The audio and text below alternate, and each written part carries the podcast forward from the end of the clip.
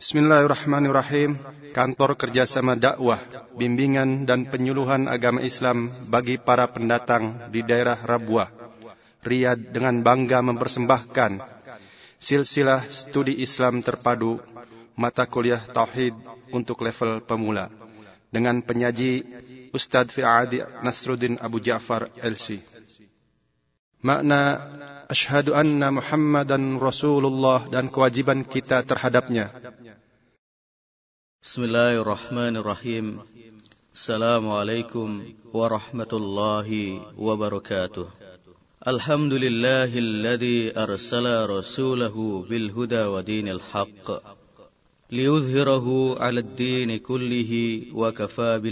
shahida. أشهد أن لا إله إلا الله وحده لا شريك له وأشهد أن محمدا عبده ورسوله أما بعد. Ikhwani wa akhwati fillah rahimakumullah Segala puji bagi Allah yang telah menganugerahkan kepada kita yang telah memberikan kepada kita nikmatnya iman di dalam Islam nikmatnya ukhuwah di dalam iman. Salawat dan salam semoga senantiasa tercurahkan kepada Rasul junjungan kita Nabi Agung Muhammad sallallahu alaihi wasallam sebagai kudua hasanah kita di dalam meniti hidup dan kehidupan ini. Ikhwani wa akhwati fillah rahimakumullah. Pada pertemuan kita kali ini kita akan sama-sama membahas tentang makna syahadati anna Muhammadar Rasulullah yaitu makna dari persaksian kita bahwasanya Muhammad adalah Rasulullah syahadat alla ilaha illallah dan syahadat anna Muhammadar Rasulullah merupakan satu kesatuan yang tak mungkin dipisah-pisahkan antara yang satu dengan yang lainnya. Setelah kita mengetahui bahwa persaksian kita tiada sesembahan yang hak selain Allah, bukan hanya sekedar kalimat yang terucap dari lisan kita, maka demikian pula dengan persaksian kita bahwasanya Muhammad adalah utusan Allah. Diperlukan pembenaran, pembuktian, dan iltizam dengan makna yang terkandung di dalamnya serta tuntutan-tuntutan kalimat ini. Mengenal Rasulullah sallallahu alaihi wasallam adalah suatu kewajiban bagi kita sebagai seorang muslim untuk mengamalkan Islam secara sempurna. Tanpa Rasul, maka kita tidak akan dapat melaksanakan ajaran Islam dengan baik. Kehadiran Rasulullah sallallahu alaihi wasallam kepada kita memberikan panduan dan bimbingan bagaimana cara mengamalkan Islam sesuai dengan yang dituntunkan oleh beliau. Dan demikianlah Rasul adalah penting bagi kita sebagai seorang muslim sehingga kita bisa mengetahui metode dan jalan yang benar mendekatkan diri kita kepada Allah Subhanahu wa taala. Ikhwani wa akhwati fillah rahimakumullah persaksian kita bahwasanya Muhammad adalah utusan Allah. Berarti al-i'tiqadu al-jazimu bi annahu mursalun min rabbih.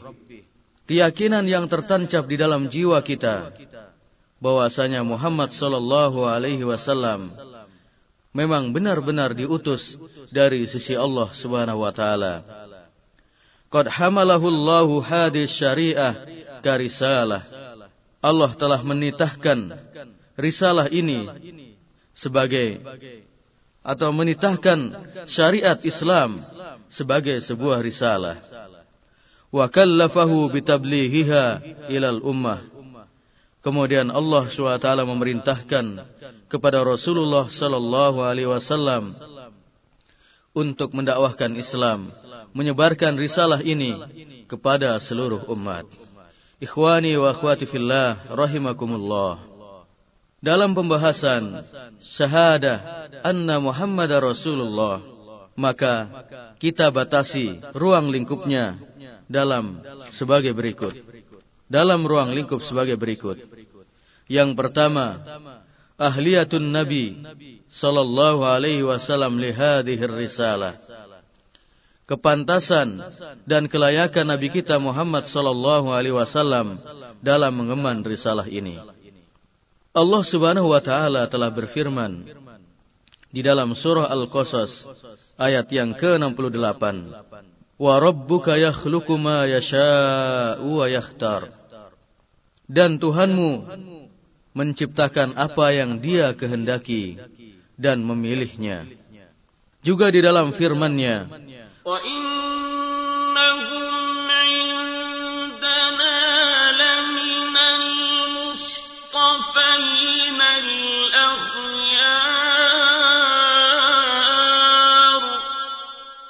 Dan sesungguhnya mereka pada sisi kami benar-benar termasuk orang-orang pilihan yang paling baik. Surah Sad ayat yang ke-47. Ikhwani wa akhwati fillah rahimakumullah. Cukuplah dua ayat ini menjadi dalil bagi kita bahwa para rasul yang diutus kepada manusia adalah manusia yang telah diberikan oleh Allah Subhanahu wa taala beberapa keutamaan-keutamaan. Kemudian Allah juga memberikan kemuliaan-kemuliaan dan kesucian tidak seperti manusia biasa. Manusia pada umumnya. Sehingga dengan demikian, mereka memang layak dan pantas mengemban risalah Allah Subhanahu wa taala di permukaan bumi. Mereka memang layak dan pantas mengemban risalah Allah SWT, terpercaya dan mengamalkan syariat dalam mengamalkan syariat dan agama Allah Subhanahu wa taala. Bahkan mereka akan menjadi saksi bagi manusia di yaumil akhir. Allah menyebutkan di dalam kitabnya bahwa umat yang mendustakan rasul-rasul mereka mengucapkan kepada para rasul Qalu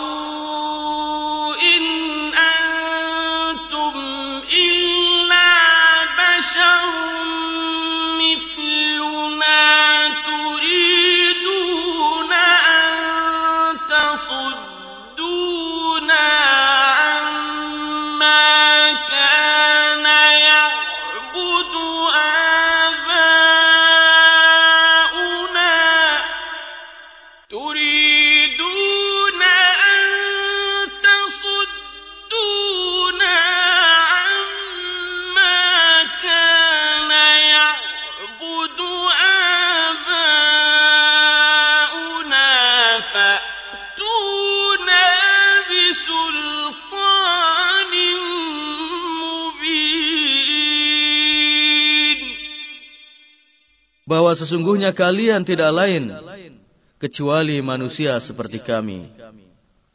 Dalam surah Ibrahim ayat yang ke-10. Kemudian para rasul setelah mendengar ucapan dari umatnya semacam ini, mereka mereka pun menjawab dengan satu ungkapan. Qalat lahum rusuluhum in nahnu illa basharum مثلكم ولكن الله يمن على من يشاء من عباده Sesungguhnya kami tidak lain kecuali manusia seperti kalian. Akan tetapi Allah memberikan anugerah dan karunia kepada siapa yang dikehendakinya dari hamba-hambanya. Surah Ibrahim ayat yang ke-11. Ikhwani wa akhwati fillah rahimakumullah. Adapun nabi kita Muhammad sallallahu alaihi wasallam adalah sebagai penutup para nabi dan rasul yang diutus dan yang paling mulia di antara mereka. Allah telah menganu menganu gerahkan kepada beliau keistimewaan-keistimewaan dan keutamaan-keutamaan yang tidak diberikan kepada nabi dan rasul sebelumnya. Maka wajarlah jika para nabi dan rasul yang diutus untuk umat tertentu, namun Muhammad sallallahu alaihi wasallam diutus untuk seluruh manusia, bahkan untuk bangsa jin juga. Allah memberikan pujian dan sanjungan kepada Nabi kita Muhammad sallallahu alaihi wasallam dengan firman-Nya. Wa innaka la'ala khuluqin 'azim. Dan sesungguhnya kamu benar-benar berbudi pekerti yang agung. Surah Al-Qalam ayat yang keempat. Ikhwani wa akhwati fillah rahimakumullah. Terdapat di dalam Sahih Muslim dari Ummul Mukminin Aisyah radhiyallahu anha bahwasanya ia berkata, "Kana khuluquhul Qur'an." Bahwa sesungguhnya akhlak dan budi pekerti Rasulullah sallallahu alaihi wasallam adalah Al-Qur'an. Pertanyaan kita selanjutnya adalah, mengapa akhlaknya adalah Al-Qur'an? Maka jawabannya adalah karena beliau telah merealisasikan ajaran-ajaran Al-Quran dari budi pekerti yang mulia, dari kesolehan pribadi yang dapat disaksikan keelokan dan keindahannya oleh setiap insan yang berakal. Sebelum Nabi Muhammad sallallahu alaihi wasallam didaulat menjadi rasul, maka masyarakat Quraisy telah mengenal beliau sebagai sosok yang amanah, jujur, setia kepada janji, memiliki iffah dan lain sebagainya. Maka wajarlah jika masyarakat Quraisy memberikan julukan dan gelar kepada beliau As-Sadiqul Amin, orang yang jujur dan terpercaya. Kemudian kepribadian dan akhlak beliau semakin memikat sesudah nubuah.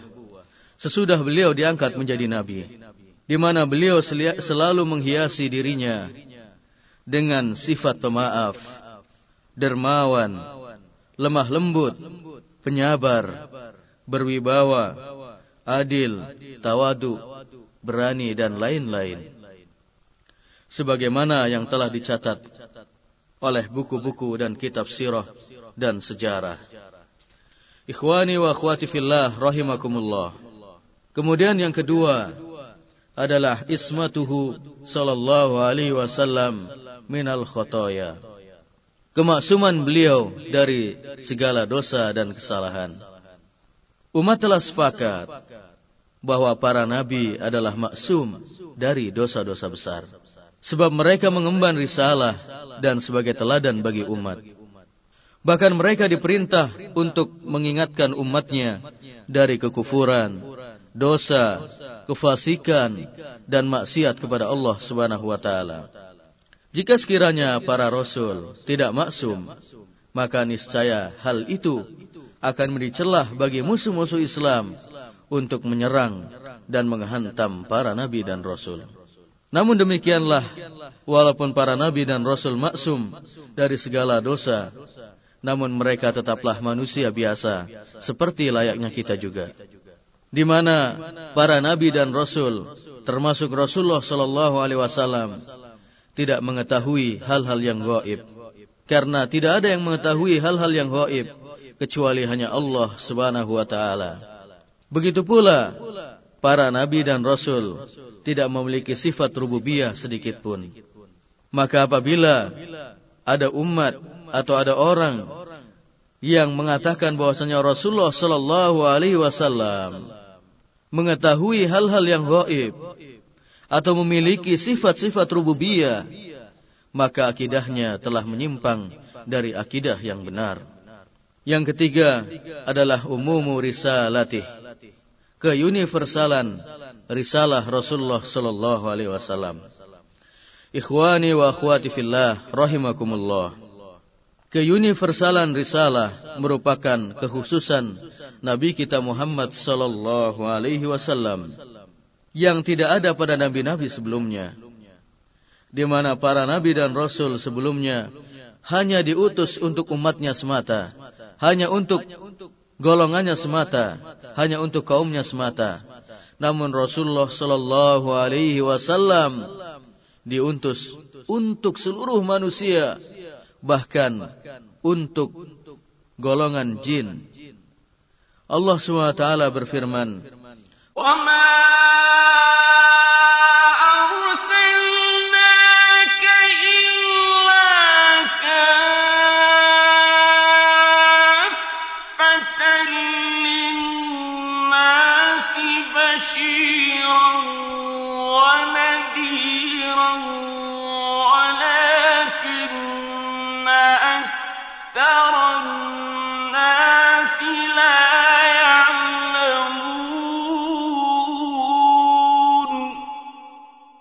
Dan kami tidak mengutus kamu, melainkan kepada umat manusia seluruhnya, sebagai pembawa berita gembira dan pemberi peringatan. Quran Surah Saba ayat yang ke-28.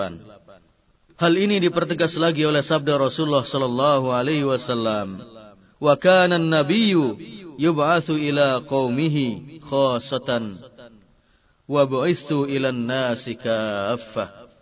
Dan nabi-nabi diutus untuk umatnya saja, untuk kaumnya saja.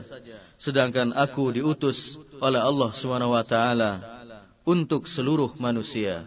Hadis riwayat Bukhari. Ikhwani wa akhwati fillah rahimakumullah. Kemudian kalau kita menyimak sabda Rasulullah sallallahu alaihi wasallam, "Bu'istu ilal aswadi wal ahmar." Sesungguhnya aku diutus untuk orang-orang yang berkulit hitam dan berkulit merah. Dari hadis ini jelas dapat kita fahami bahwasanya Rasulullah Shallallahu Alaihi Wasallam diutus untuk seluruh manusia yang hidup di muka bumi ini. Entah mereka yang memiliki kulit hitam, berkulit putih, berkulit kuning, berkulit kuning langsat, berkulit merah, ataupun yang lain. Demikianlah Rasulullah Sallallahu Alaihi Wasallam diutus kepada mereka semua. Bahkan beliau juga diutus untuk bangsa jin, sebagaimana firman Allah Taala, "Qul uhiya ilayya annahu istama'a minal jin, faqalu inna sami'na Qur'anan ajaba, yahdi ila rushdi fa'amanna bih." Katakanlah wahai Muhammad, telah diwahyukan kepadaku bahwasanya sekumpulan jin telah mendengarkan Al-Quran. Lalu mereka berkata, Sesungguhnya kami telah mendengarkan Al-Quran yang menakjubkan, yang memberi petunjuk kepada jalan yang benar, lalu kami beriman kepadanya. Quran Surah Al-Jin ayat yang ke-1 sampai ke-2. Ikhwani wa akhwati fillah rahimakumullah. Orang-orang Yahudi dan Nasrani, laknatullah, mendakwahkan, mengklaim bahwasanya Muhammad sallallahu alaihi wasallam hanya diutus untuk bangsa Arab saja. Padahal hati mereka telah mengakui kebenaran risalah, terlebih telah diperkuat dengan berbagai macam mukjizat yang mereka saksikan. Bahkan sebagian pengikut Yahudi dan Nasrani telah memeluk ajaran Islam. Akan tetapi karena kesombongan, karena kedengkian yang senantiasa melekat pada jiwa-jiwa mereka. Begitu pula karena kedudukan, karena popularitas, karena seonggok keindahan dunia yang mereka cari, maka mereka pun mengingkari kerasulan Muhammad sallallahu alaihi wasallam. Allah SWT memberikan pelajaran kepada orang-orang Yahudi dan Nasrani dengan firman-Nya. وآمنوا بما أنزلت مصدقا لما معكم ولا تكونوا أول كافر Dan berimanlah kamu kepada apa yang telah aku turunkan, yaitu Al-Quran, yang membenarkan apa yang ada padamu, yaitu Taurat. Dan janganlah kamu menjadi orang-orang yang pertama kafir kepadanya. Ikhwani wa akhwati fillah, rahimakumullah. Kemudian yang keempat adalah tablighuhu ar-risalah. Rasulullah sallallahu alaihi wasallam dalam menyampaikan risalah. Allah Subhanahu wa taala telah berfirman, "Ya ayyuhar rasulu balligh ma unzila ilaik min rabbik wa illam taf'al fama ballaghta risalatah." Hai Rasul, sampaikanlah apa yang telah diturunkan kepadamu dari Tuhanmu. Dan jika tidak kamu kerjakan apa yang diperintahkan itu, berarti kamu telah Ber, berarti kamu tidak menyampaikan amanatnya. Surah Al-Ma'idah ayat yang ke-67. Ikhwani wa akhwati fillah, rahimakumullah. Ayat ini mengandung perintah dari Allah SWT yang mesti diemban dan dilaksanakan oleh Rasulullah Sallallahu Alaihi Wasallam untuk menyampaikan risalah dengan sebaik-baiknya. Dan sebenarnya Rasulullah Sallallahu Alaihi Wasallam telah menyampaikan amanah ini dengan sebaik-baiknya. Lihatlah bagaimana perkataan Abu Zar Al Ghifari radhiyallahu an. Tuwfiya Rasulullah sallallahu alaihi wasallam wa ma ta'irun yuqallibu janahaihi illa dzakara lana minhu ilma. Rasulullah sallallahu alaihi wasallam telah wafat dan tidak ada seekor pun burung yang mengepakkan kedua sayapnya terkecuali beliau telah menerangkan kepada kita ilmunya. Sejarah juga telah mencatat bagaimana Rasulullah Sallallahu Alaihi Wasallam dengan gigih, dengan ulat, dengan sabar, dengan istiqomah telah mendakwakan Islam kepada keluarganya, kepada Khadijah radhiallahu anha, kepada Ali bin Abi Thalib radhiallahu an, kemudian kepada budaknya yaitu Zaid bin Al Harisah yang kemudian diangkat menjadi anak angkatnya Rasulullah sallallahu alaihi wasallam. Setelah itu Rasulullah sallallahu alaihi wasallam juga mendakwahkan Islam kepada Abu Bakar, sahabat dekatnya. Dan dari tangan Abu Bakar As-Siddiq inilah masuk Islam beberapa sahabat yang mendapatkan tiket masuk surga dari Rasulullah sallallahu alaihi wasallam. Di antaranya adalah Utsman bin Affan radhiyallahu an, Sa'ad bin Abi Waqqas, Talhah bin Ubaidillah, Abdurrahman bin Auf, Zubair bin Awam, dan lain sebagainya. Kemudian beliau juga mengajak kepada kaumnya untuk memeluk Islam. Mengajak Quraisy, mengajak, mengajak keturunan-keturunannya dan lain sebagainya. Setelah itu Rasulullah Shallallahu Alaihi Wasallam meluaskan dakwahnya di Jazirah Arab. Beliau juga mengutus beberapa sahabat ke kabilah-kabilah yang ada di pedesaan, yang ada di lembah-lembah, mengajak mereka untuk memeluk Islam. Beliau juga mengutus para dai-dai ke negeri aman seperti Mu'ad bin Jabal atau ke Bahrain. Juga beliau mengirim surat kepada para penguasa seperti penguasa Persia dan Romawi untuk mengajak mereka masuk Islam. Maka wajarlah ketika beliau meninggal dunia, maka Islam telah menyebar ke berbagai negeri. Maka beliau pun menjadi masyhur, menjadi terkenal, menjadi populer di kalangan kawan ataupun lawan. Allah SWT berfirman, فمنهم من هدى الله ومنهم من حقت عليه الضلاله Maka di antara umat itu ada orang-orang yang diberi petunjuk oleh Allah SWT. dan ada pula di antara mereka yang pasti mendapatkan kesesatan baginya. Quran Surah An-Nahl ayat yang ke-36. Kemudian para sahabat, generasi terbaik sesudahnya, melanjutkan eh, estafeta perjuangan dan dakwah beliau. Sehingganya dengan kegigihan para sahabat dalam mendakwahkan dan menyebarkan risalah Rasulullah sallallahu alaihi wasallam, maka Islam dapat tersebar ke berbagai negeri, tersebar ke seluruh dunia, juga tersebar di negeri kita, Indonesia tercinta. Ikhwani wa akhwati fillah rahimakumullah. Kemudian yang kelima adalah khatmun nubuwah. Bahwasanya Nabi kita Muhammad sallallahu alaihi wasallam adalah sebagai penutup para nabi. Muhammad sallallahu alaihi wasallam adalah nabi dan rasul terakhir. Syariat dan ajarannya untuk semua makhluk, semua umat, seluruh manusia. Risalah yang diembannya adalah risalah yang terakhir yang turun dari langit. Maka tidak ada risalah sesudah itu. Tidak ada syariat sesudahnya. Sebagaimana firman Allah SWT ما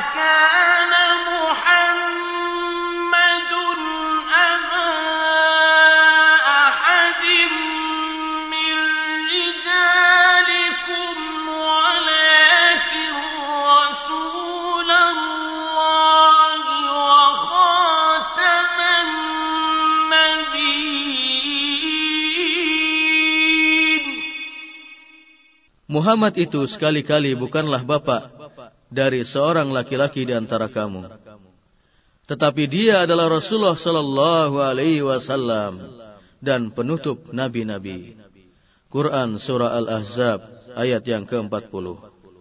Hal ini dipertegas lagi oleh sabda Rasulullah sallallahu alaihi wasallam. Wa innahu sayakunu fi ummati kadzabuna thalathun. Akan datang kepada umatku para pendusta yang berjumlah 30 orang. Kulluhum yaz'umu annahu nabi. Seluruhnya mendakwakan dirinya, mendakwakan dirinya bahwasanya dia adalah seorang nabi. Wa ana khatamun nabiyyin. Padahal aku adalah penutup para nabi-nabi. La nabiyya ba'di. Tiada nabi sesudahku. Hadis ini diriwayatkan oleh Abu Dawud. Ikhwani wa akhwati fillah rahimakumullah. Apa yang pernah diramalkan oleh Rasulullah sallallahu alaihi wasallam di mana akan munculnya beberapa orang yang mengaku dirinya sebagai nabi, al-kadzdzabuna salatun. Para pendusta yang berjumlah 30. Sebenarnya sudah ada pada masa sahabat. Kita mengenal bagaimana Musailamah al-Kadzdzab. Kemudian kita juga mengenal ada Al-Aswad Al-Ansi, Sada dan lain sebagainya yang mengaku sebagai nabi pada masa sahabat. Kemudian kalau kita ulur-ulur sehingga zaman kita sekarang ini, maka tidak sedikit di antara mereka yang mengaku sebagai nabi dan rasul.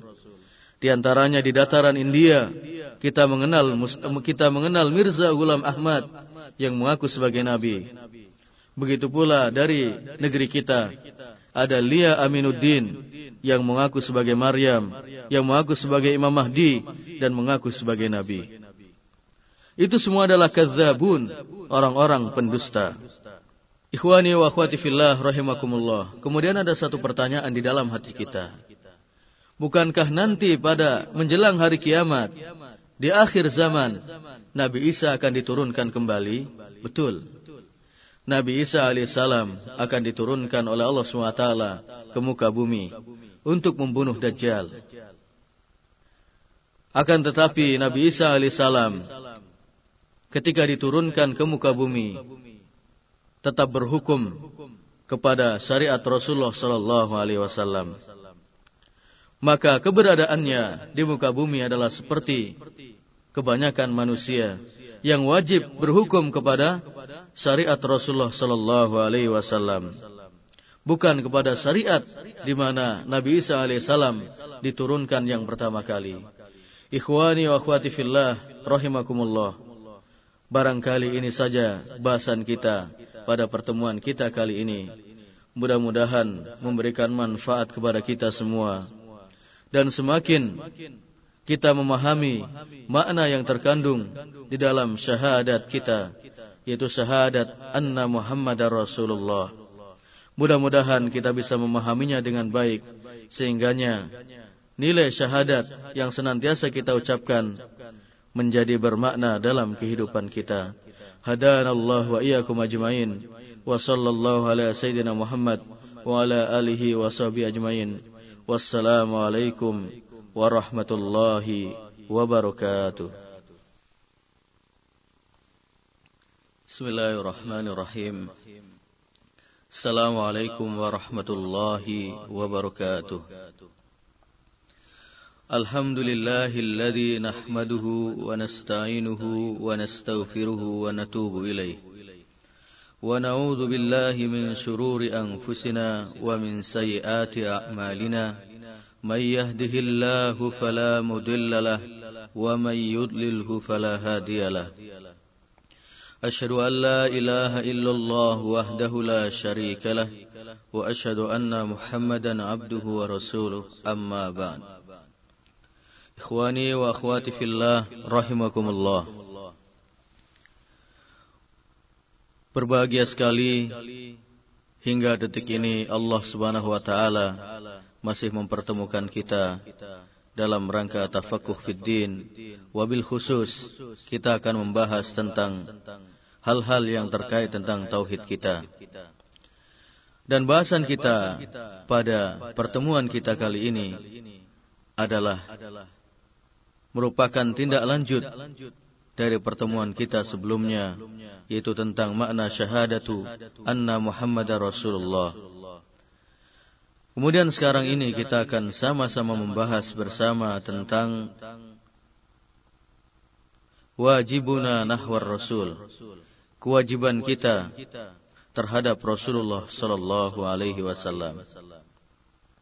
Salawat dan salam semoga senantiasa tercurahkan kepada Rasul junjungan kita Nabi Agung Muhammad sallallahu alaihi wasallam sebagai uswah hasanah kita di dalam ketauhidan ini.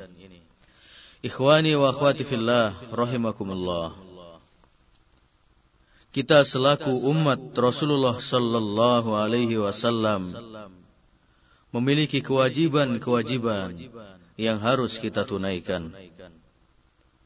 Di antaranya yang pertama adalah al-imanu bih.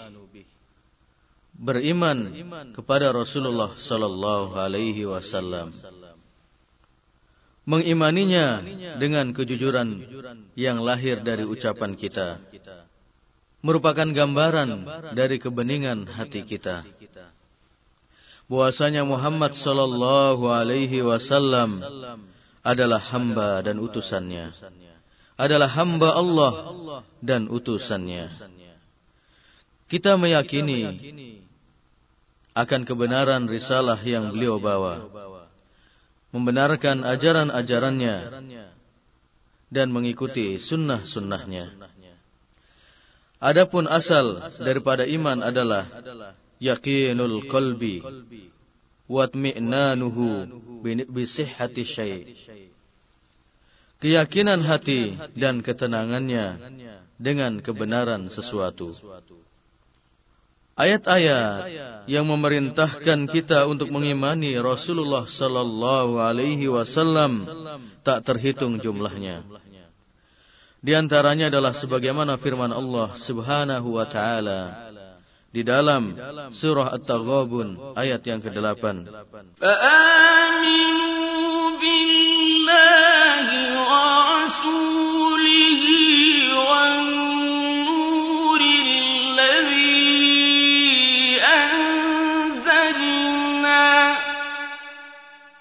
Maka berimanlah kamu kepada Allah, kepada Rasulnya, dan kepada cahaya yang telah kami turunkan. Allah Ta'ala memberikan ancaman kepada ancaman keras kepada kita yang tidak beriman kepada Rasulullah sallallahu alaihi wasallam sebagaimana firman-Nya di dalam surah sebagaimana firman-Nya wa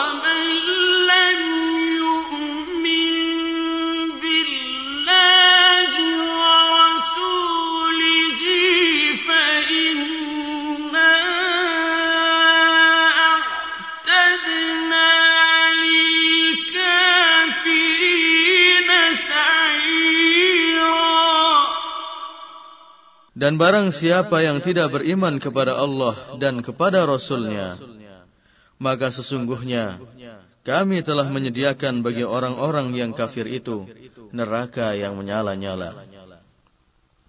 Ikhwani wa akhwati fillah, rahimakumullah. Siapa yang tidak mengimani Rasulullah sallallahu alaihi wasallam, maka berarti bangunan iman yang ada di dalam dirinya menjadi runtuh rata dengan tanah. Luluh lantak tak berbekas. Ketidakselarasan dan ketidaksesuaian antara ucapan lisan kita dengan keyakinan hati akan menceburkan kita ke dalam jurang kemunafikan ataupun hipokrit. Untuk itulah Allah Subhanahu wa taala membantah perkataan orang-orang munafik di hadapan Rasulullah sallallahu alaihi wasallam. إذا جاءك المنافقون قالوا نشهد إنك لرسول الله والله يعلم إنك لرسوله والله يعلم إنك لرسوله والله يشهد إن المنافقين لكاذبون Mereka berkata bahwa kami menyaksikan bahwa sesungguhnya engkau adalah utusan Allah. Namun statement mereka ini dibantah oleh Allah Subhanahu wa taala. Wallahu ya'lamu innaka la rasuluhu wallahu yashhadu innal munafiqina lakadzibun. Dan Allah mengetahui bahwasanya sungguhnya engkau adalah utusan Allah Subhanahu wa taala. Dan Allah menyaksikan bahwasanya orang-orang munafik lakadzibun benar-benar seorang pendusta. Kemudian kewajiban kita yang kedua terhadap Rasulullah sallallahu alaihi wasallam adalah taatuhu wa tahdhiru min maksiatih. Mentaatinya dan waspada terhadap bermaksiat padanya. Ikhwani wa akhwati fillah rahimakumullah. Tidak syak lagi bahwa ketaatan kita kepada perintah Rasulullah sallallahu alaihi wasallam merupakan tanda keimanan kita kepada beliau. Karena keyakinan yang benar di dalam hati akan menetaskan sebuah ketaatan. Maka siapa yang amalannya menyelisihi keyakinannya, baik lantaran keangkuhan atau meremehkan permasalahannya, maka hal tersebut merusak nilai syahadatnya. Allah Subhanahu wa taala memerintahkan kita untuk mentaati Rasulullah sallallahu alaihi wasallam di banyak ayat di dalam Al-Qur'an. Di antaranya Allah Subhanahu wa taala berfirman di dalam surah An-Nisa ayat yang ke-59. Ya ayyuhalladzina amanu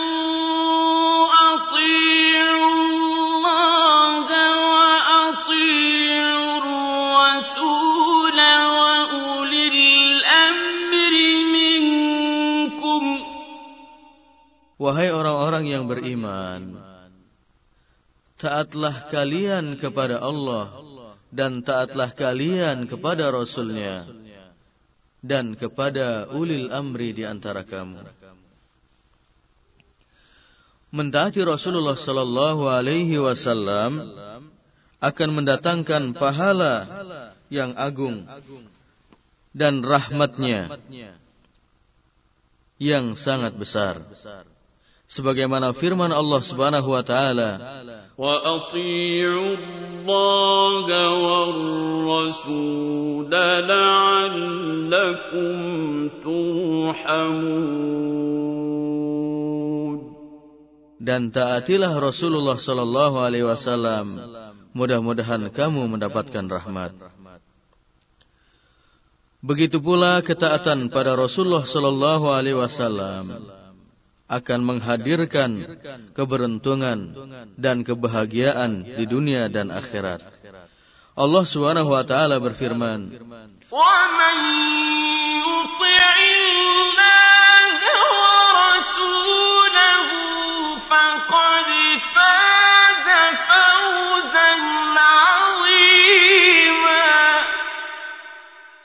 Barang siapa yang mentaati Allah dan mentaati Rasulnya, maka sungguh dia telah mendapatkan keberuntungan yang besar. Surah Al-Azab ayat yang ke-71. Ikhwani wa akhwati fillah rahimakumullah. Demikian pula orang yang durhaka dan bermaksiat kepada Rasulullah sallallahu alaihi wasallam akan mendatangkan azab dan siksa yang tak terkirakan sebagaimana tertera dalam firman Allah Subhanahu wa taala.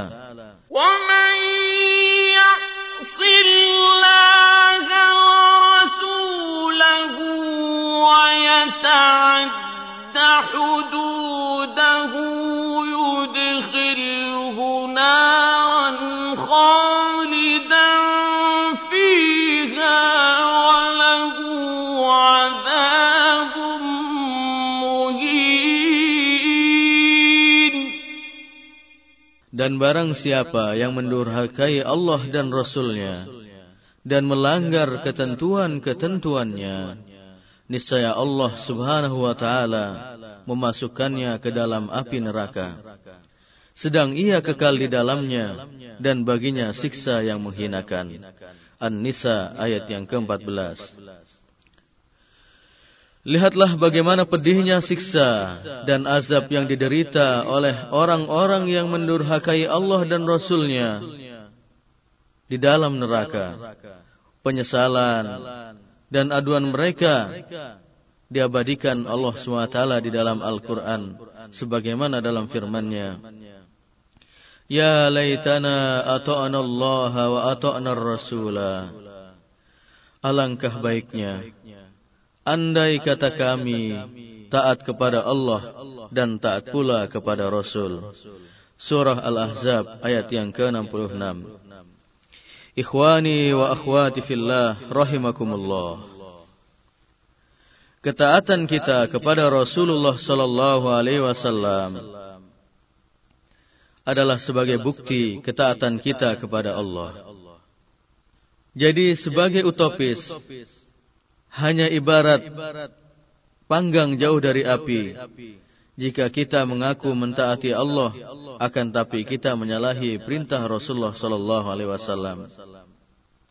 Maka terkadang kita tidak habis pikir dengan adanya kelompok yang menamakan dirinya sebagai inkarus sunnah yang mengingkari as-sunnah.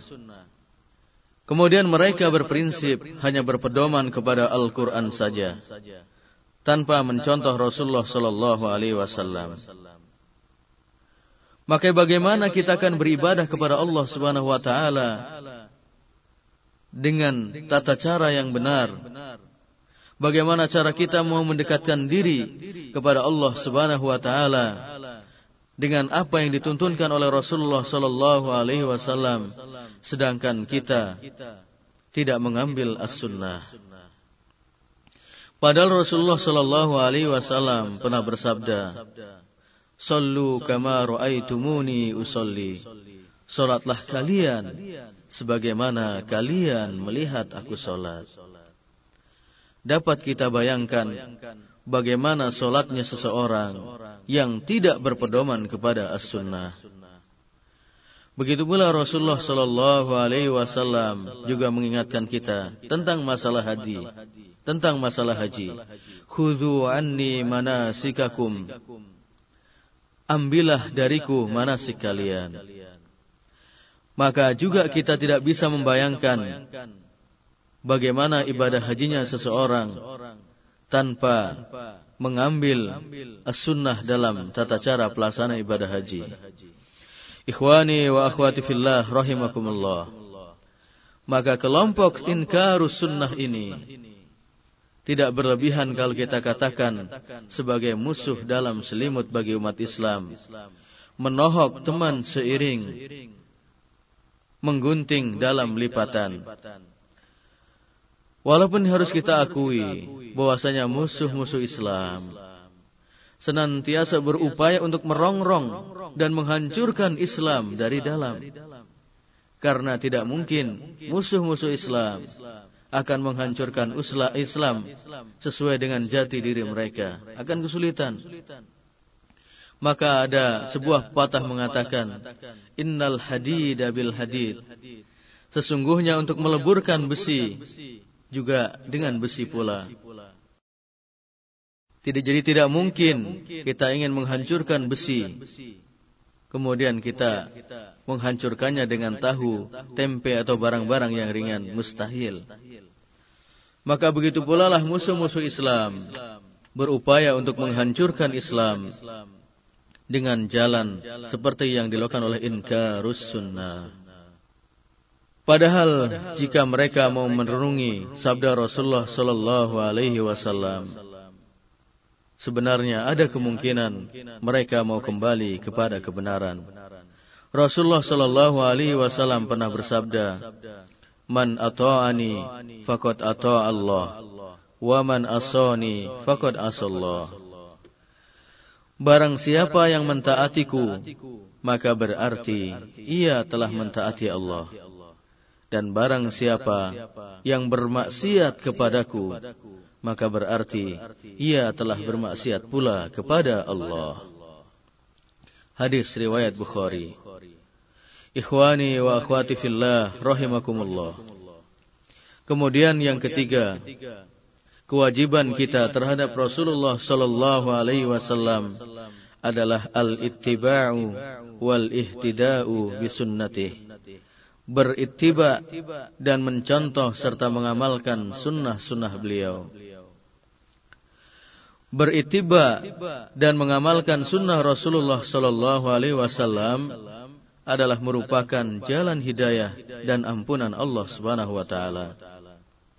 Sebaliknya, menyalahi sunnah-sunnahnya dapat meminggirkan kita kepada jalan yang salah dan mendamparkan kita pada kesesatan dan di persimpangan jalan.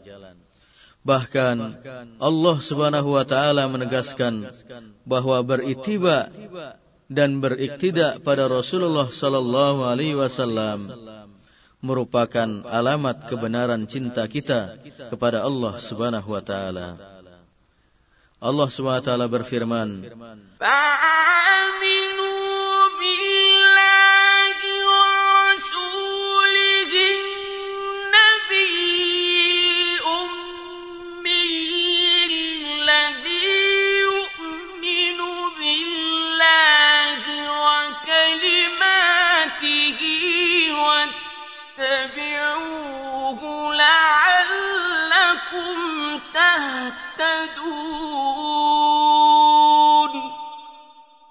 dan ikutilah ia agar kamu mendapatkan petunjuk. Berarti seberapa besar nilai itiba kita kepada Rasulullah sallallahu alaihi wasallam. Maka sebesar itu pula kadar cinta kita kepada Allah. Maka jika tidak ada nilai itiba dalam kehidupan kita kepada Rasulullah sallallahu alaihi wasallam, Berarti cinta kita kepada Allah hanya cinta palsu belaka. Ketika orang-orang Yahudi dan orang-orang Nasrani mendakwakan, mengklaim bahwa mereka adalah anak-anak Allah dan kekasihnya, maka Allah Subhanahu wa taala menurunkan sebuah ayat yang disebut dengan ayatul mahabbah yaitu firman Allah Subhanahu wa taala كنتم تحبون الله فاتبعوني يحببكم الله ويغفر لكم ذنوبكم. والله غفور رحيم. Katakanlah Hai Muhammad, jika sekiranya kalian benar-benar cinta kepada Allah Subhanahu wa taala, maka ikutilah aku. Niscaya Allah akan mencintai dan mengampuni dosa-dosa kalian. Dan Allah Maha Pengampun lagi Maha Penyayang. Ikhwani wa akhwati fillah rahimakumullah. Jadi cinta kepada Allah SWT bukanlah hanya sekadar kata-kata manis di bibir saja. Akan tetapi mestinya kita buktikan dengan mengikuti Rasulullah sallallahu alaihi wasallam baik dalam tindak tanduknya ucapan, dan perbuatannya serta tata cara mendekatkan diri kita kepada Allah Subhanahu wa taala. Juga dengan menjauhi apa-apa yang beliau larang dan tetap waspada agar tidak terjatuh kepada maksiat kepadanya. Kebencian seseorang atau kebencian kita terhadap sunnah-sunnah dan ajaran Rasulullah Sallallahu Alaihi Wasallam dapat melemparkan kita dari golongan Rasulullah sallallahu alaihi wasallam dan para sahabatnya. Rasulullah sallallahu alaihi wasallam pernah bersabda, "Faman rohiba an sunnati falaysa minni." Barang siapa yang enggan dengan sunnahku, maka ia bukanlah termasuk golonganku. Hadis riwayat Bukhari. Maka sering kita melihat dalam alam nyata ada sebagian orang yang meremehkan sunnah Rasulullah Sallallahu Alaihi Wasallam, bahkan menghinanya, mencela orang-orang yang menghidupkan sunnah. Salah satu contohnya adalah al-lihyah, yaitu menghidupkan jenggot. Ketika melihat ada orang yang berjenggot tebal, berjenggot lebat, maka tidak sedikit dari mereka yang mengatakan, apakah perbedaannya antara dia dengan kambing dan seterusnya. Nauzubillahi min dalik. Padahal sekali lagi Rasulullah sallallahu alaihi wasallam telah mengancam, "Faman rohiba an sunnati falaysa minni." Barang siapa yang membenci sunnahku, maka berarti ia bukan termasuk golonganku. Ikhwani wa akhwati fillah rahimakumullah. Kemudian kewajiban kita terhadap Rasulullah sallallahu alaihi wasallam yang keempat adalah mahabbatuhu as-sadiqah bil qalbi wal qalib. Mencintainya dengan ketulusan hati dan pengamalan pribadi. Kecintaan kita terhadap Rasulullah sallallahu alaihi wasallam hendaklah melebihi kecintaan kita kepada anak-anak kita, istri-istri kita, kerabat-kerabat kita, harta-harta kita, atau bahkan seluruh manusia pun. Karena Rasulullah sallallahu alaihi wasallam bersabda, "La yu'minu ahadukum hatta akuna ahabba ilaihi min waladihi wa walidihi wan nasi ajmain." Tidaklah beriman salah seorang di antara kamu hingga aku lebih ia cintai dari anaknya, orang tuanya dan seluruh manusia. Hadis riwayat Bukhari dan Muslim. Imam Bukhari meriwayatkan bahwasanya pada suatu hari Umar bin Khattab radhiyallahu an pernah berkata kepada Rasulullah sallallahu alaihi wasallam, "Wallahi la anta ahabbu ilayya min kulli syai' illa min nafsi." Demi Allah ya Rasulullah, Sesungguhnya engkau lebih aku cintai dari setiap sesuatu. Illa min nafsi. Kecuali dari diriku sendiri. Maka setelah mendengar ungkapan ini Rasulullah sallallahu alaihi wasallam menjawab, "La ya Umar, hatta akuna ahabba ilaika min nafsik." Tidak wahai Umar, hingga engkau atau hingga aku lebih engkau cintai hatta dari dirimu sendiri. Barulah setelah itu Umar radhiyallahu an berkata lagi, "Wallahi la anta ahabbu ilayya min kulli syai' hatta min nafsi." Demi Allah ya Rasulullah, engkau lebih aku cintai dari segala sesuatu hatta min nafsi. Hatta bagi diriku sendiri, engkau lebih aku cintai.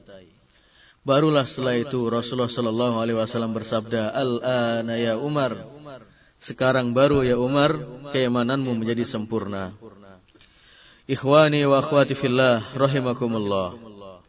Di antara buah dari kecintaan kita kepada Rasulullah sallallahu alaihi wasallam adalah bahwasanya Allah Subhanahu wa taala akan mengumpulkan kita bersama-sama dengan beliau. Hal ini berdasarkan berdasarkan sebuah hadis yang diriwayatkan oleh Imam Bukhari dari Anas bin Malik radhiyallahu an bahwasanya pada suatu hari datanglah seorang laki-laki kepada Rasulullah sallallahu alaihi wasallam seraya berkata mata sa'ah Kapankah terjadinya hari kiamat itu ya Rasulullah? Kemudian Rasulullah kembali bertanya atau balik bertanya, "Ma a'datta laha?" Engkau bertanya tentang kapan hari kiamat apa yang kau telah siapkan untuk menghadapi hari kiamat itu. Kemudian sang laki-laki tadi menjawab, "Ma a'dattu laha illa hubballahi wa rasulah." Aku tidak menyiapkan sesuatu wahai Rasulullah kecuali hanya cinta kepada Allah dan cinta kepada Rasulnya. Kemudian Rasulullah Shallallahu Alaihi Wasallam bersabda, "Anta ma'aman ahbabt." Engkau bersama dengan orang yang engkau cintai. Allahu Akbar. Berarti kalau kita mencintai Allah, mencintai Rasulnya, maka berarti kita akan dipertemukan oleh Allah Subhanahu Wa Taala di surganya bersama dengan Rasulullah sallallahu alaihi wasallam. Kalau kita mencintai Abu Bakar, mencintai Umar, mencintai para sahabat, maka kita pun akan bersama-sama dengan mereka di surga. Allahumma amin. Ikhwani wa akhwati fillah rahimakumullah. Allah Subhanahu wa taala juga mengancam orang-orang yang lebih mendahulukan cinta yang lain selain cinta Allah, cinta Rasulnya dan cinta fi jihad fi sabilillah.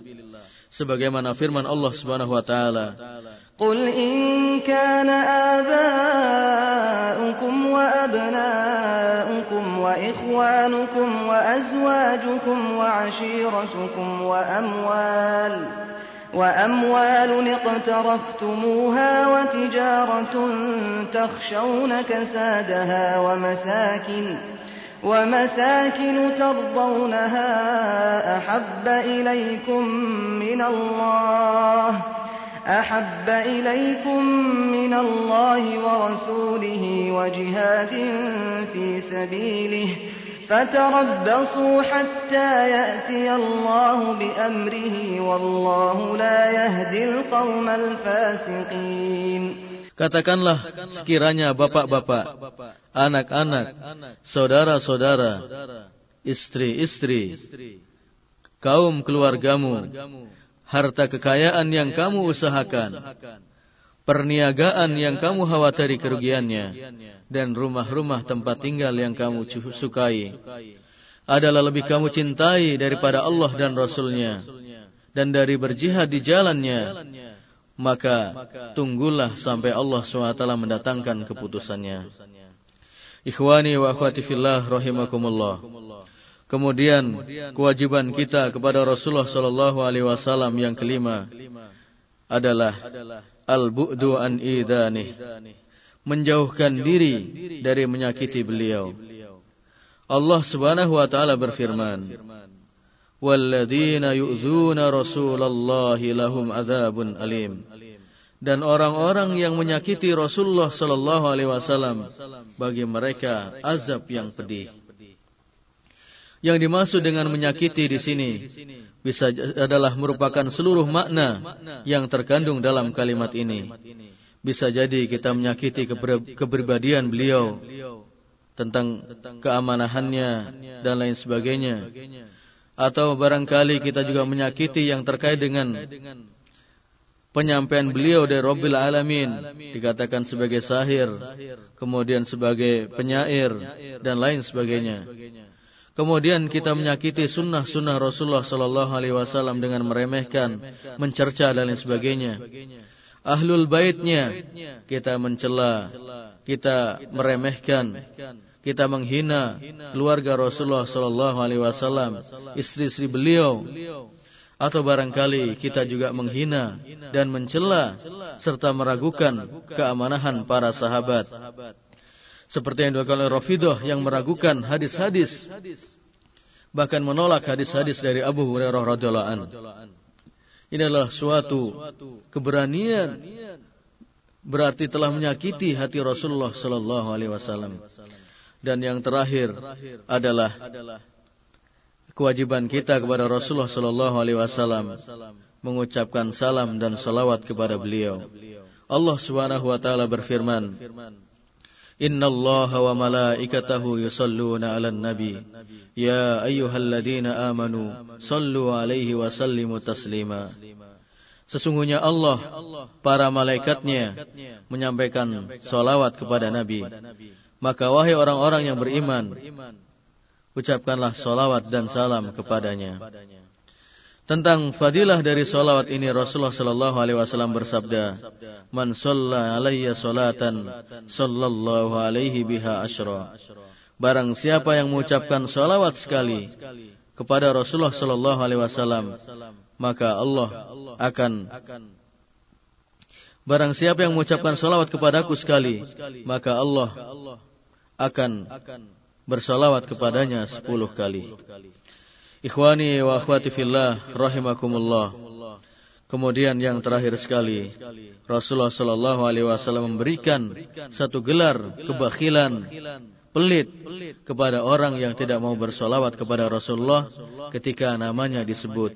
Sebagaimana sabda Rasulullah sallallahu alaihi wasallam, "Al-bakhilu man dzukirtu indahu tsumma lam yusalli alai." Orang yang bakhil adalah ketika namaku disebut di sisinya, Kemudian dia tidak mengucapkan solawat kepadaku. Hadis riwayat Ahmad. Ikhwani wa akhwati fillah rahimakumullah.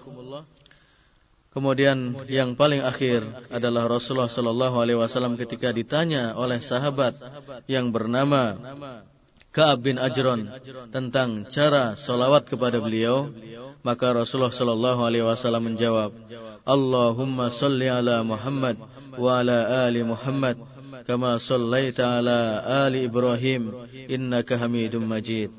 اللهم بارك على محمد وعلى آل محمد كما باركت على آل إبراهيم إنك حميد مجيد. Ikhwani wa akhwati fillah rahimakumullah demikianlah kewajiban-kewajiban kita. Wajibuna nahwar Rasul. Kewajiban kita terhadap Rasulullah sallallahu alaihi wasallam. Mudah-mudahan tidak ada kewajiban yang telah kita sebutkan tadi kecuali kita tunaikan kita tunaikan dalam kehidupan kita. Mudah-mudahan dengan demikian keberkahan demi keberkahan akan lahir dalam kehidupan kita. Hadanallahu wa iyyakum ajmain wa sallallahu ala sayyidina Muhammad wa ala alihi wa sahbihi ajmain. Wassalamu alaikum warahmatullahi wabarakatuh.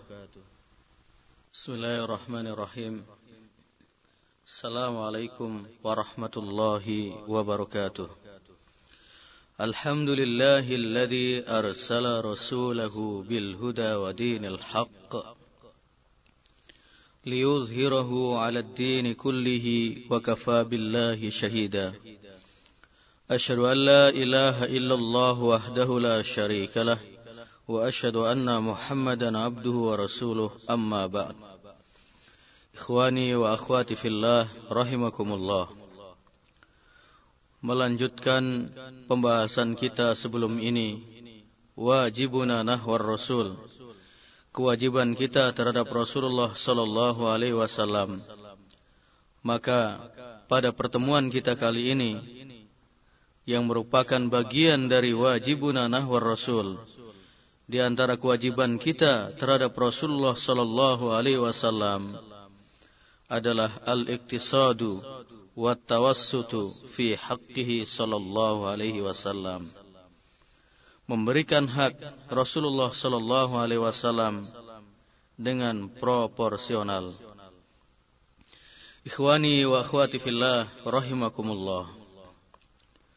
Bila kita lihat kondisi umat Islam dewasa ini maka telah banyak kita saksikan. Mereka bersikap hulu, berlebih-lebihan, melampaui batas terhadap Rasulullah sallallahu alaihi wasallam. Mereka memberikan kedudukan kepada Rasulullah sallallahu alaihi wasallam di atas kedudukan yang telah diberikan oleh Allah Azza wa Jalla. Padahal beliau sallallahu alaihi wasallam telah banyak mengingatkan umatnya agar tidak bersikap hulu terhadap Rasulullah sallallahu alaihi wasallam. Oleh karena itu, alangkah urgennya bila jalsah kita pada hari ini mengupas dan menguraikan tentang jati diri kredibilitas Rasulullah sallallahu alaihi wasallam.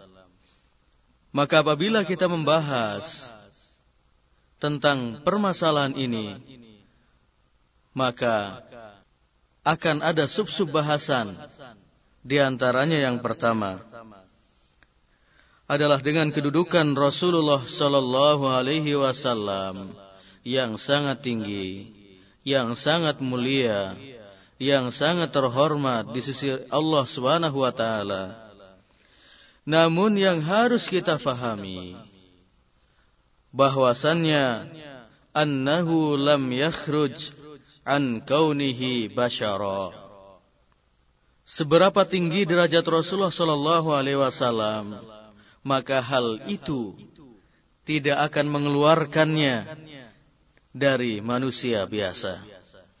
Atau dengan bahasa yang sederhana kita katakan bahwa Rasulullah Shallallahu Alaihi Wasallam dengan tingginya kedudukan dan makanah tempatnya di sisi Allah SWT, namun beliau tetap sebagai manusia biasa.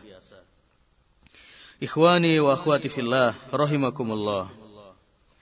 Maka sebagaimana manusia pada umumnya yang mereka makan, minum, berkeluarga, memiliki keturunan, berangkat ke pasar, sakit, lupa dan lain sebagainya, maka Rasulullah Shallallahu Alaihi Wasallam juga memiliki karakter yang sama.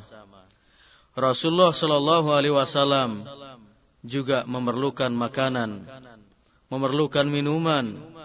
Rasulullah Shallallahu Alaihi Wasallam juga terkadang lupa, juga terkadang pergi ke pasar, tidur, kemudian hajat-hajat manusia yang lain juga beliau perlukan. Allah Subhanahu wa taala berfirman kepada Rasulullah sallallahu alaihi wasallam di dalam Al-Qur'an. قل إنما أنا بشر مثلكم يوحى إلي أنما إلهكم إله واحد فمن كان يرجو لقاء ربه فليعمل عملا صالحا فليعمل عملا صالحا ولا يشرك بعبادة ربه أحدا Katakanlah wahai Muhammad, sesungguhnya aku ini hanyalah seorang manusia seperti kamu yang diwahyukan kepadaku. Surah Al-Kahfi ayat 110.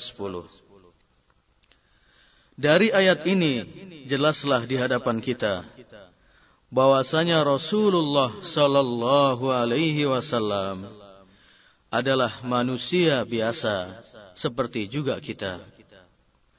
Hanya saja Allah Subhanahu wa taala memuliakannya memuliakannya dengan wahyu dan risalah. Rasulullah Shallallahu Alaihi Wasallam juga sebagaimana dalam sebuah riwayat pernah lupa pada saat beliau sholat, di mana beliau belum menyempurnakan rokaat sholat tersebut, sehingganya para sahabat menduga bahwa Rasulullah Shallallahu Alaihi Wasallam telah mengkosor sholat. Namun setelah diingatkan kepada beliau Selepas solat maka beliau mengucapkan, Innama ana basyarum mislukum, ansa kama tansaun, fa idza nasitu fadzakkiruni. Sesungguhnya aku adalah manusia biasa, seperti kalian juga. Aku lupa sebagaimana kalian lupa. Maka jika aku lupa, maka ingatkanlah. Hadis riwayat Bukhari dan Muslim. Ikhwani wa akhwati fillah rahimakumullah. Kemudian yang kedua, dengan tinggi kedudukan Rasulullah sallallahu alaihi wasallam dan memiliki tempat yang sangat mulia di sisi Allah Subhanahu wa taala. Namun yang harus kita yakini bahwasanya annahu la ya'lamul ghaiba wa innama yukhbiru bima akhbarahu Allah bihi wa bahwasanya Rasulullah sallallahu alaihi wasallam tidak mengetahui perkara yang gaib apa yang beliau kabarkan tentang hal-hal yang gaib adalah apa yang telah dihabarkan oleh Allah Subhanahu wa taala kepada beliau. Begitu pula apa yang telah diwahyukan kepada beliau. Yang menjadi dasar ucapan kita ini adalah firman Allah Subhanahu wa taala di dalam surah Jin ayat yang ke-26 dan 27. عالم الغيب فلا يظهر على غيبه أحدا إلا من ارتضى من رسول فإنه يسلك من بين يديه ومن خلفه رصدا Dia adalah Tuhan yang mengetahui yang gaib. Maka dia tidak memperlihatkan kepada seorang pun tentang yang gaib itu kecuali pada Rasul yang telah diridhoinya. Maka sesungguhnya dia mengadakan penjaga-penjaga yaitu para malaikat di muka dan di belakangnya. Ikhwani wa akhwati fillah rahimakumullah. Dari ayat ini dapat kita pahami bahwa tiada yang dapat mengetahui yang gaib kecuali hanya Allah Subhanahu wa taala. Adapun sebagian rasul yang Allah utus kepada manusia, kemudian Allah perlihatkan sebagian hal yang gaib itu adalah dengan tujuan sebagai mukjizat dan hujjah bagi kebenaran risalahnya. Adapun apa yang terdapat dalam banyak hadis bahwasanya Rasulullah Shallallahu Alaihi Wasallam banyak meramal tentang peristiwa yang akan terjadi. Hal itu adalah merupakan wahyu dari Allah Subhanahu wa taala dengan perantaraan malaikat Jibril atau yang Allah ilhamkan di dalam jiwanya.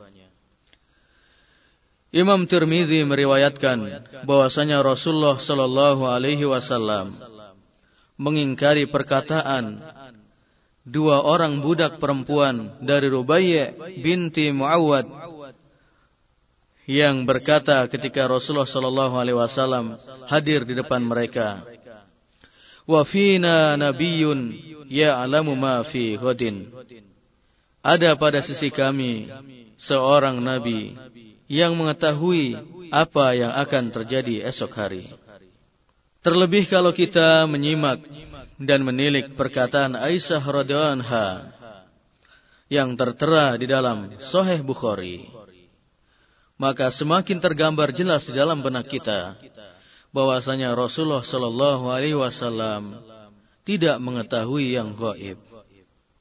Aisyah radhiyallahu anha berkata, "Man haddatsaka anna Muhammadan ya'lamu ma fi ghadin fala tusaddiquh." Siapa saja yang menghabarkan kepadamu bahwasanya Muhammad sallallahu alaihi wasallam mengetahui apa yang akan terjadi esok hari, maka janganlah engkau percayai ucapannya. Ikhwani wa akhwati fillah rahimakumullah. Jika sekiranya Rasulullah sallallahu alaihi wasallam insan yang paling dekat dengan Allah Subhanahu wa taala. Dengan begitu mulianya kedudukannya di sisi Allah Subhanahu wa taala dan begitu begitu dicintai oleh Allah Subhanahu wa taala, tidak mengetahui hal-hal yang gaib. Apatah lagi manusia pada umumnya. Maka siapa yang mengklaim dirinya mengetahui perkara-perkara yang gaib, maka katakanlah kepada dirinya bahwa anda adalah pendusta besar. Ikhwani wa akhwati fillah rahimakumullah.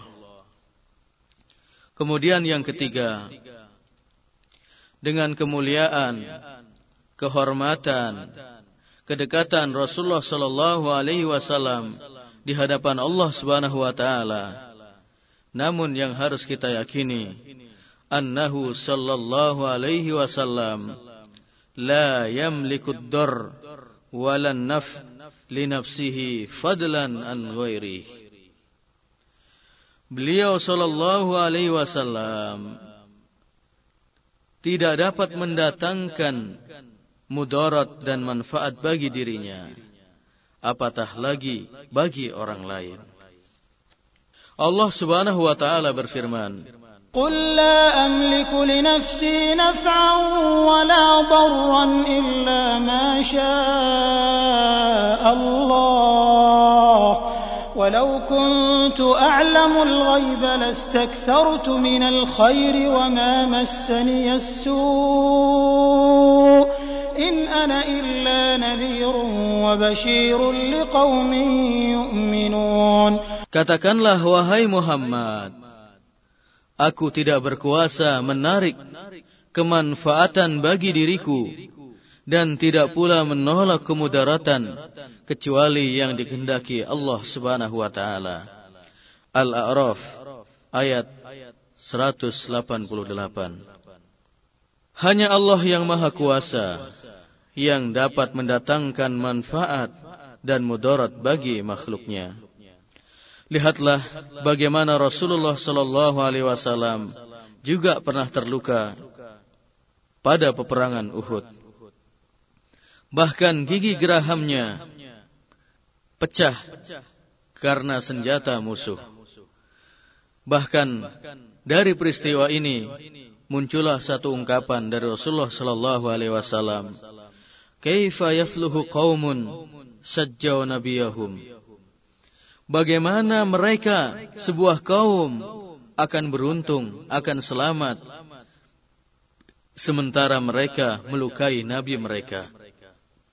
Demikian pula Rasulullah sallallahu alaihi wasallam telah mewanti-wanti kepada keluarga beliau, begitu pula kepada kerabatnya untuk membekali diri dengan amalan-amalan yang soleh dan sama sekali tidak tergantung kepada Rasulullah Sallallahu Alaihi Wasallam.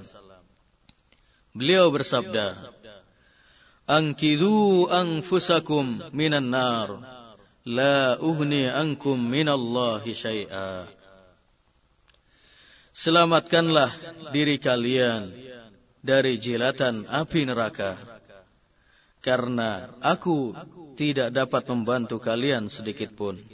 Hadis riwayat Bukhari. Ikhwani wa akhwati fillah rahimakumullah. Dari hadis ini jelaslah di hadapan kita bahwa semasa hidupnya Rasulullah sallallahu alaihi wasallam tidak dapat memberikan manfaat kepada orang-orang yang terdekatnya kepada orang-orang yang beliau cintai. Maka apatah lagi setelah kematian beliau. Maka sungguh heran kita menyaksikan banyak di antara kaum muslimin yang ketika berziarah ke makam Rasulullah sallallahu alaihi wasallam sambil meneteskan air mata mereka menangis meminta kepada Rasulullah sallallahu alaihi wasallam untuk menguraikan segala permasalahan hidupnya, untuk membantu memecahkan problematika hidup dalam kehidupan ini. Meminta kepada Rasulullah sallallahu alaihi wasallam keluasan rezeki, kemudahan jodoh, perpanjang umur dan lain sebagainya.